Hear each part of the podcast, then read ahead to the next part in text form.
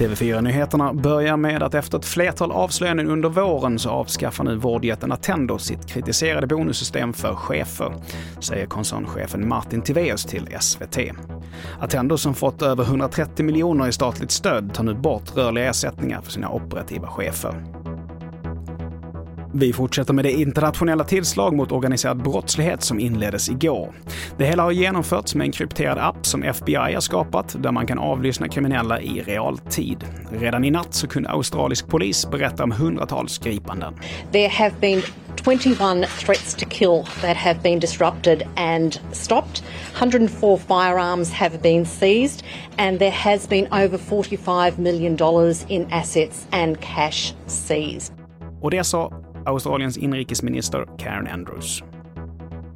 Och vi avslutar med att om man äter vegetariskt så minskar risken för att drabbas av covid-19. Detta skriver British Medical Journal.